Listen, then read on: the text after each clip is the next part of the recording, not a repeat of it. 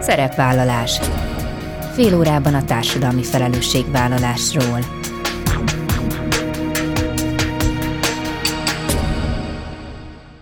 Jó napot kívánok, Bíró Bori köszönti Önöket. Adásainkban hétről hétre példákat hozunk arra, hogy egy-egy cég vagy intézmény, netán magánszemély, milyen formában, milyen eszközökkel járul hozzá anyagi gondok, társadalmi problémák orvoslásához, az életminőség javításához, a fenntartható fejlődéshez. Így módon is kifejezve, hogy felelősséget érez azért a környezetért, amelyben él és dolgozik. Egy évvel ezelőtt még feltételes módban írt a K-monitor arról, milyen hasznos lenne, ha a magyar közoktatásban a diákok, akár csak kísérleti jelleggel is, de beleszólást kaphatnának a környezetük alakításába egy úgynevezett részvételi költségvetés alkotás révén. Nemrég mindez a valóságban is megtörtént, ugyanis a Debreceni Alternatív Közösségek Egyesülete a K-Monitor szakmai segítségével először valósította meg egy magyar iskolában, a Megyesi Ferenc gimnáziumban a 2021-22-es tanévben. A diákok leírták ötleteiket az iskola fejlesztésére, majd a beérkezett ötleteket letisztázták, és egy kampányt követően szavazást is szerveztek. A folyamat eredményeként megújult a táncosok próbaterme, egy kényelmes, a lyukasórák eltöltésére alkalmas pihi szoba született, a lányvécékbe pedig egy higiéniai termékeket tartalmazó doboz került ki, ami a vigyél el egyet, ha kell és pótold elven működik. A részletekbe Merényi Miklós, a K-Monitor Egyesület munkatársa, valamint Molnár Ágnes, az Alternatív Közösségek Egyesületének alelnöke avat be. Ez a mai témánk, tartsanak velünk! Közösségi költségvetésről már esett szó itt a műsorban, több önkormányzat alkalmazza ezt a módszert Magyarországon. A lényege az, hogy egy adott közösség együtt dönt arról, hogy mire használják fel a rendelkezésre álló forrásokat. Most Először azonban történt egy izgalmas dolog, mégpedig az, hogy egy debreceni iskolában is kipróbálták, mégpedig egy teljes tanév keretében, hogy hogyan működik a részvételi költségalkotás. Ezt a K-Monitor és a Debreceni Alternatív Közösségek Egyesülete szervezte, és Merényi Miklóssal, a K-Monitor Egyesület munkatársával beszélgettünk első körben. Szia Miklós, köszöntelek! Szervusz! A K-Monitor akik ismerik szerintem, mint a, a rádióban egészen sokan, tudják, hogy ti nagyon sokat foglalkoztok egyébként is azzal, hogy hogyan lehet tisztába közélet, tehát maga a téma, az gondolom, hogy nem áll tőletek távol, de azért az, hogy miért éppen egy gimnázium felé fordultatok, és egy gimnáziumba próbáltatok ki tényleg most először Magyarországon ezt a módszert, az szerintem borzasztóan érdekes. Úgyhogy kérlek induljunk innen, hogy hogyan kötöttetek ki a Debreceni Megyesi Ferenc gimnáziumban. Igen, ez egy ilyen kedves történet az AK-val, tehát az Alternatív Közösségek Egyesületével. Van nekünk egy régi kapcsolatunk, és ugye mi tényleg korrupció ellenes szervezet vagyunk, tehát mondjuk itt a rádióban is én nagyon sokat beszéltem már különböző ilyen közéleti felnőttes témákkal, de a Molnár Ágival az akeben megismertük ezt a módszertant, külföldön ezt nagyon sok iskolában csinálják, és évek óta agyalunk azon, hogy ezt hogyan lehetne így Magyarországra elhozni. Mi nem foglalkoztunk igazán a közoktatással, tehát nekünk a hátterünk az nem az, hogy a közoktatás gondjait, bajait vizsgáljuk. Mi ezt a módszertant ismerjük, mi alapvetően részvételiséggel, közösségszervezéssel foglalkozunk, és kerestük a lehetőséget arra, hogy ezt hogyan tudjuk elvinni egy, egy magyar suliba is. Ugye elég egyértelmű, hogy mi a motivációnk ebben. Ugye a K-monitor az azt szeretné, hogy egy olyan társadalomban éljünk, ahol a, az emberek elutasítják a korrupciót, és hát hol lehetne ezt a habitust, ezt az attitűdöt jobban megtanulni, mint az iskolában, tehát hol lehetne kialakítani egy olyan társadalmi érdeklődést, ami egy ilyen aktív, cselekvő, részvételi attitűd, mint egy iskolában, és akkor ez egy hosszú sztori volt, aminek a végén aztán egy pályázat keretében tudtuk ezt megcsinálni. Ezt a pályázatot ezt az, Egyesült Államok Budapesti Nagykövetsége írta ki, és kerestünk iskolai partnert, és aztán ugye a debrecenieknek volt már egy élő kapcsolata ezzel az iskolával, és hát így kötöttünk ki a Megyesiben. Én inkább, hogy mondjam, egy ilyen háttérember voltam, aki, aki nem tudom, Excel táblázatokat és ilyen folyamatokat tervezett, és az a késők voltak azok, akik, akik pedig a közösséget szervezték, tehát ők dolgoztak inkább az iskolában.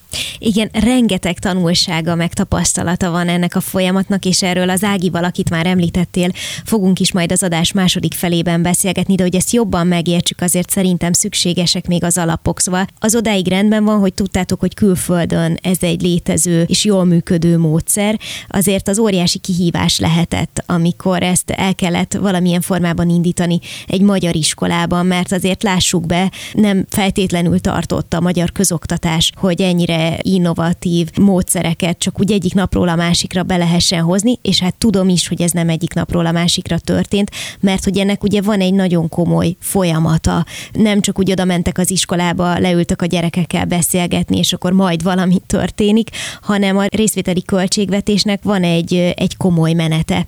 Hogyan nézett ez ki pontosan?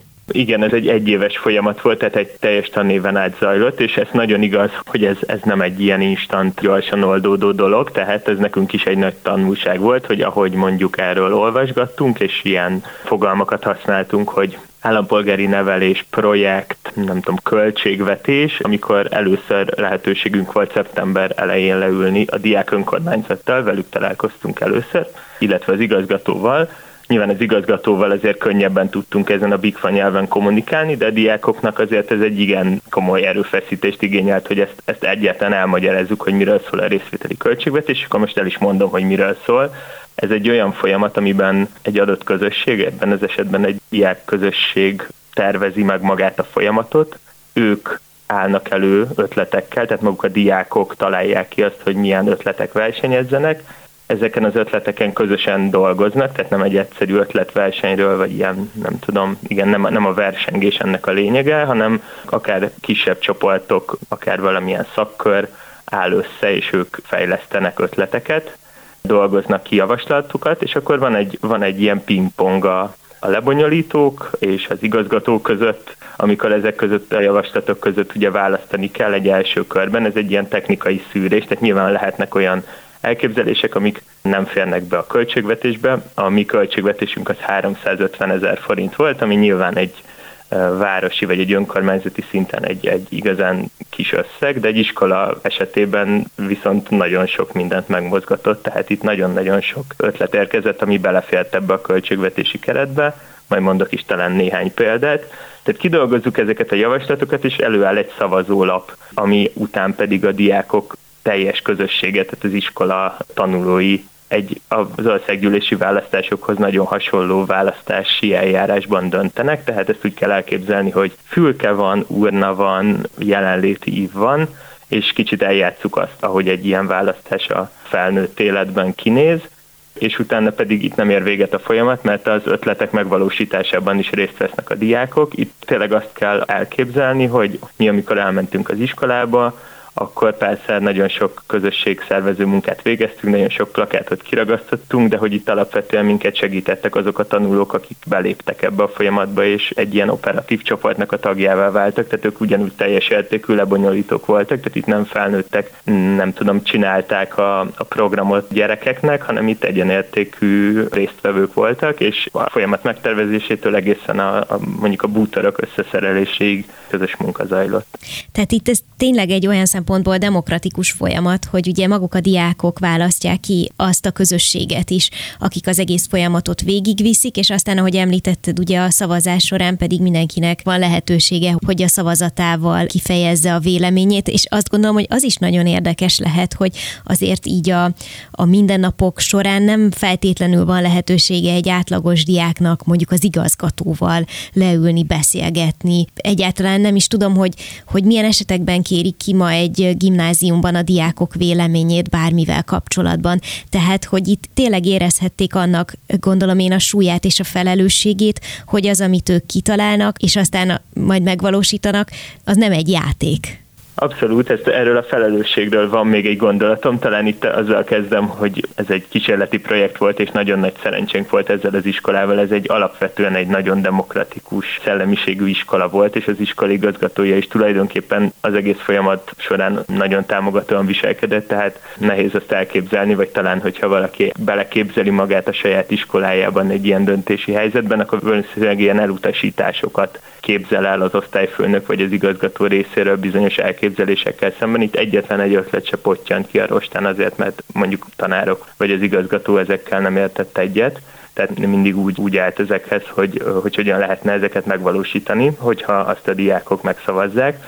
És akkor egy kicsit erről a felelősségről, mert ez szerintem nagyon izgalmas, igen, hogy, igen. hogy hogy élték meg, sokat beszélgettünk utána a résztvevő diákokkal, és nagyon izgalmas azt látni, hogy miközben az iskolát sokszor egy ilyen, nem tudom, egy ilyen gyárként képzeljük el, ahol a tanároknak a, a feladata, vagy a felnőtteknek a feladata az, hogy mondjuk szocializálják a diákokat, hogy neveljék a diákokat. Ez a nevelés, ez a szocializáció egy ilyen iskolai közösségben, ez sokkal inkább, hogy mondjam, a diákok közösségében, az osztályokban gyorsabban zajlik le, és nagyon izgalmas volt azzal szembesülni, hogy például nagyon sok végzős diák is adott le ötletet, úgyhogy világos volt, hogy amikor ezek az ötletek megvalósulnak, akkor ők már mm, hát őket az már nem érinti. Fognak, és már nem Igen. ők fogják ezeknek a hasznát élvezni. Nem ők fognak a nyugi szobában társas játékozni, ez volt az egyik. Igen, ezt nyertes. akkor kérlek, hogy mesél, de hogy úgy tudom, hogy három ötlet volt végül, ami megvalósult. Igen, és ezek mögött mind kis közösségek voltak, akik ezt ambicionálták. Befejezem ezt a gondolatomat, tehát csak okay, annyit okay. szerettem volna ezzel elmondani, hogy nagyon izgalmas volt tényleg ezt szó szerint visszahallani végzős diákoktól, hogy ők, ők érzik a felelősségüket a többiek felé, tehát volt, aki kifejezetten azt mondta, hogy szeretne valamit visszaadni és hogy érdekes volt azt látni, hogy itt nem egyéni, nem tudom, zsenikék voltak azok, akik ezekkel az ötletekkel előálltak, hanem itt valaki kitalálta, és bevont többeket, mozgósított többeket, és aztán közösen kampányoltak, plakátot készítettek, videót készítettek, és hát ez egy valahol a nap végén mégiscsak egy verseny volt, ez a három ötlet, ami nyert, mind a három mögött azért egy elég aktív ilyen is mag volt. Az egyik ötlet az a női WC-ben egy olyan doboznak a kihelyezése volt, az ötlet neve a Sanitary Box, ahol különböző ilyen higiéniai termékeket lehet tárolni, és onnan lehet kölcsönözni, tehát úgy működik, hogy ha elviszel belőle egyet, akkor utána másnap hozol, és akkor nem kerülsz kínos helyzetbe.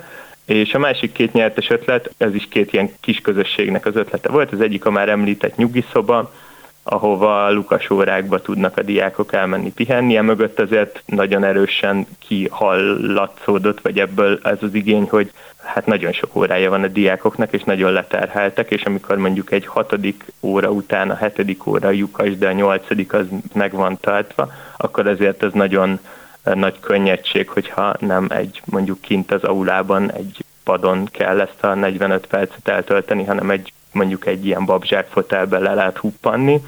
Ez volt a legnépszerűbb ötlet, és még egy ötlet futott be, ez pedig a táncosoknak az ötlete volt. A táncosok a saját próbatermüket újították, felfestették, kiszínesítették ki, tehát ez a három ötlet volt, ami végül támogatást nyert a diákok költségvetéséből.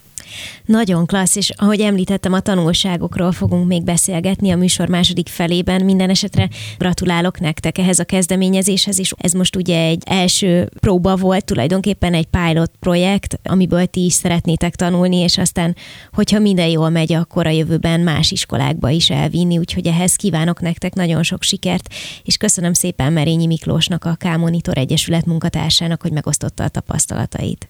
Köszönöm szépen!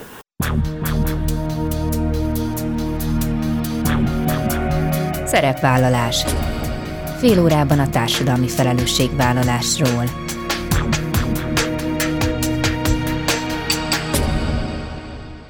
Folytatjuk, és továbbra is a részvételi költségvetés alkotás folyamatáról beszélgetünk, amit Magyarországon először a Debreceni Alternatív Közösségek Egyesülete és a K-Monitor közösen szervezett a Debreceni Megyesi Ferenc Gimnáziumban, és az adás második felében Molnár Ágnessel a Debreceni Alternatív Közösségek Egyesületének alelnökével beszélgetünk.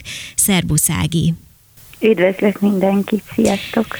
A műsor első felében megismertük nagyjából így a részvételi költségalkotás alapjait, és én most téged leginkább a tanulságokról, meg a kihívásokról kérdeznélek, mert hogy találkoztatok bőven ilyennel, és ha jól tudom, akkor a ciklus lezárása után tartottatok is beszélgetéseket, ahol fiatalokkal foglalkozó szakemberekkel és az érintettekkel is próbáltatok megtárgyalni a tapasztalatokat.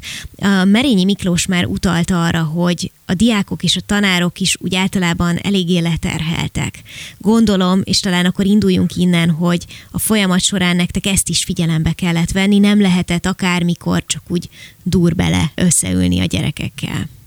Igen, tulajdonképpen az egész folyamatban talán az volt a legnehezebb, hogy egyeztessük össze azt az ideális módszertani folyamatot, ami a fejünkben van a valósággal, és valahol ez csapódott le már szinte a legelején, hogy az, hogy mi rengeteg workshoppal, fórummal, közös eseményekkel fogjuk telepakolni a részvételi költségvetés folyamatát, az a valósággal nem fog annyira találkozni, és ez leginkább annak köszönhető, hogy tulajdonképpen iskolaidőn túli dolgokra nem nagyon érnek rá a fiatalok, vagy hogy ha igen, akkor nem szívesen ilyesmivel töltik, vagy az iskolában. Úgyhogy az volt a tapasztalat, hogy a tanárok szinte alig-alig vettek részt a folyamatban, ez nyilván azért is volt, mert egyrészt először történt ilyen, és még nem ismerték, ismeretlen volt számukra az az erőforrás, amit bele kell fektetni, másrészt pedig a diákok meg azért a, a 6-7 óra után is még plusz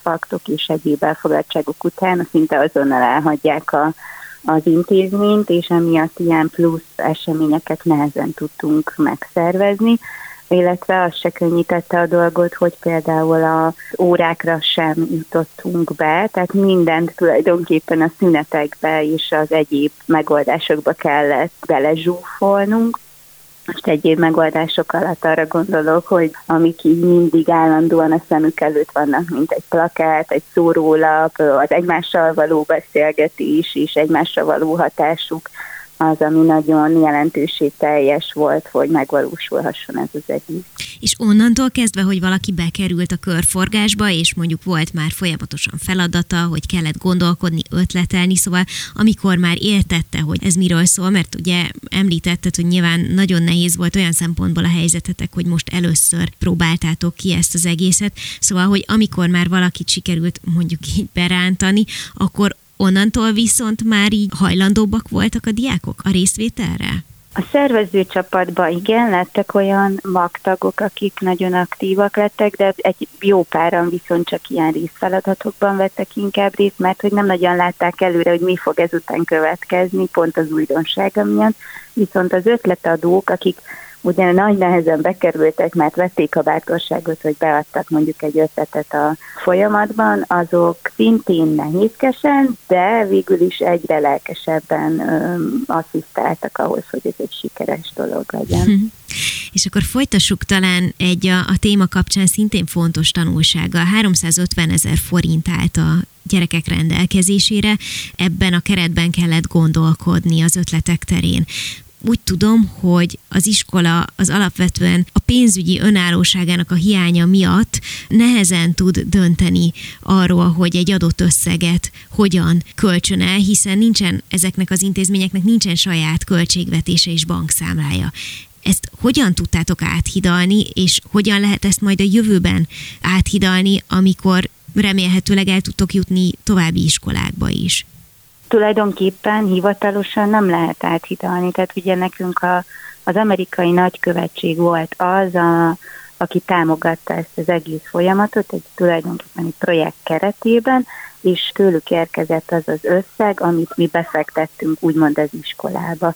És így, így sikerült megoldani. A jövőben úgy tervezzük, hogy olyan iskolákban próbáljuk tesztelni a folyamatot, ahol saját költségvetés van, és ilyenek az egyházi iskolák, vagy akár alapítványi sulik, ott talán egy kicsit könnyebb lesz, vagy rugalmasabb ez a fajta költés, vagy kiadás tervezés, viszont az a hosszú távú célunk, hogy minél több iskolában látszódik a jó példa, talán annál könnyebb lesz esetleg rávenni a intézmény fenntartót, hogy legyen nyitott arra, hogy ha nem is ekkora összeg, mint amennyi most a megyesiben volt elköltve, de valamennyi összeg legyen arra félretéve a költségvetésben, hogy ezt a diákok a saját döntéseik alapján költhessék el. Kérdeznélek arról is, hogy mi a helyzet úgy általában az állampolgári nevelés témájával, mert olvastam róla, hogy én erről nem tudtam, hogy egyébként léteznek tantárgyi keretek arra, hogy foglalkozzanak ezzel az iskolák, de nektek az a tudásotok vagy a tapasztalatotok ezzel kapcsolatban, hogy sokszor elviszik egyéb iskolai feladatok az erre szánt időt és hát nyilván, hogy ezt is figyelembe kell venni, amikor, amikor behoztok egy olyan programot, ami hosszabb időre szól, ugye ez egy egész tanévet átölelt ez a, ez a folyamat, meg egyáltalán ugye a korábban már említett időhiány itt szintén visszaköszön.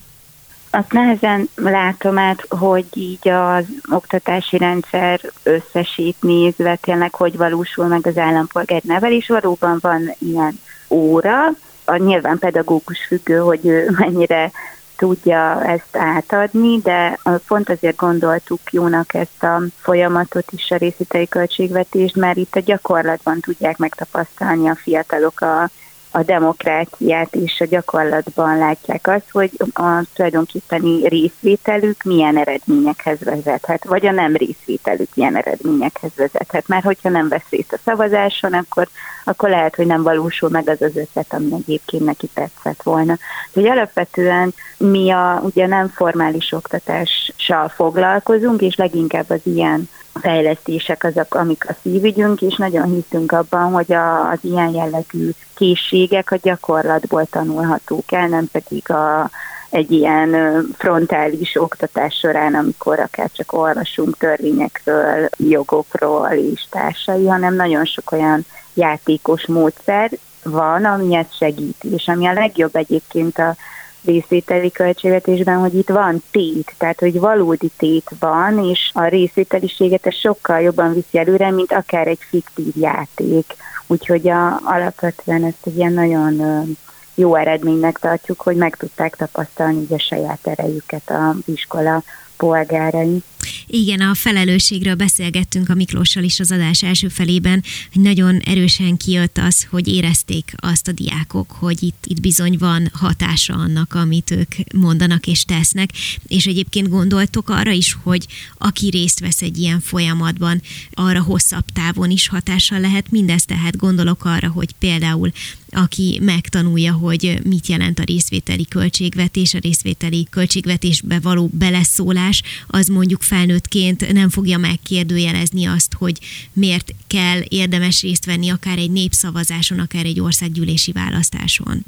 Én biztos vagyok benne, hogy hatással volt. Nyilván mindenkire más mértéke, de sok olyan visszajelzést látunk, vagy ilyen utánkövetésből látunk eredményeket, amik ezt igazolják. Például két lány, akik beadtak két ötletet is, és az egyik nyert a szavazáson, ők most egy városi ötletpályázatra adtak be ötletet, és az is nyert. Szóval, hogy ezek, ezek olyan megerősítések, amik viszik őket tovább előre. A fiúk, akik egyébként szintén nyertek, és a legtöbb szavazatot kapták, ők nagyon sokat meséltek arról, hogy egyébként pénzügyileg milyen érdekes volt tervezni valamit. Tehát először mentek be úgy, mert ők egy pihiszobát terveztek, először mentek be úgy egy boltba, hogy volt egy keretük, azt nem léphették át, és saját maguknak kell úgymond vásárolni, de olyan meggondolások alapján, ami a közösség érdekeit is szolgálja, vagy igényeit. Szóval ezek nagyon erős dolgok, és én mindig azt a példát szoktam mondani, ami nekem ilyen nagyon impozáns volt a folyamatban, amikor volt a szavazás napja, és nagyon igyekeztünk megteremteni az igazi szavazás érzetet. Tehát tényleg volt névlistánk, kértünk valamilyen igazolást, hogy ő valóban az az ember, kapott egy szavazólapot, igazi paraván volt, ami mögé elmehetett szavazni titkosan, és aztán egy igazi szavazó urnába dobhatta be a szavazatát, és én a, pont álltam nagyon sokszor a szavazó urna mellett, amikor bedobták a szavazatot, és remegő kezeket láttam, és ezek olyan hatások, amik ilyen szinte azonnal kijönnek, hogy ő most tényleg egy felelősség teljes lépést tesz meg, és remegve dobja bele a döntését egy dobozba, mert érzi, hogy ez most valami több, mint ami így az átlag napjaimban megél. Úgyhogy szerintem ezek nagyon jó dolgok. Annyiban talán nem voltunk ügyesek most, hogy nem gyűjtöttük nagyon következetesen ezeket a, a feedbackeket, vagy visszajelzéseket, de azt hiszem, hogy nagyon sok minden igazolja azt, hogy ennek volt érdemi hatása és talán akkor azt ki is jelenthetjük, hogy teljesen mindegy, hogy valaki hány éves, ez a részvételi költségvetés, ez mindenképpen egy olyan eszköz vagy, vagy folyamat, ami a demokratikus értékek és a képességek elmélyítésére valószínűleg abszolút alkalmas. Valamilyen szempontból igen. Nem mondom, hogy az óvodákban érdemes bevezetni, mert akkor csak több kakaó lesz, meg csokoládé, de hogy alapvetően szerintem ez egy nagyon hatásos dolog tud lenni, és külföldi példák már általános iskolákban is mutatják ennek az alkalmazását, ha nem is az alsó tagozatban, de fentebbi korosztályoknál mindenképp, úgyhogy nagyon sok olyan tapasztalat és jó gyakorlat van, ami azt mutatja, hogy igen, ez egy nagyon jó módszer, és hát bízunk benne, hogy tényleg egyre több önkormányzatnál is megjelenik majd, meg iskolánál abban meg most főleg, mert ilyen személyes jóm lesz nekem is, de a szervezetnek is nagyon fontossá vált. Kívánom nektek, hogy minél több iskolába eljuthassatok vele a jövőben. Molnár Ágnesnek, a Debreceni Alternatív Közösségek Egyesületének alelnöke. Köszönöm szépen, hogy meséltél a tapasztalataitokról. Én köszönöm, hogy megkerestetek minket. Ennyi fért a mai műsorba, legközelebb jövő héten szombaton 13 órakor jelentkezem. Ha még nem tették, kövessenek minket közösségi oldalainkon, a Facebookon, az Instagramon és a YouTube-on. Ha bármiről lemaradtak volna, az adást a Klubrádió weboldalán is vissza tudják keresni. És most már egy jó ideje podcast formában is elérhető a szerepvállalás. Keressék a Spotify, a Google és az Apple podcastek felületein, ahol bármikor meghallgatható a műsor. Köszönöm, hogy velem tartottak, további kellemes online rádiózást kívánok. Bíró Borit hallották.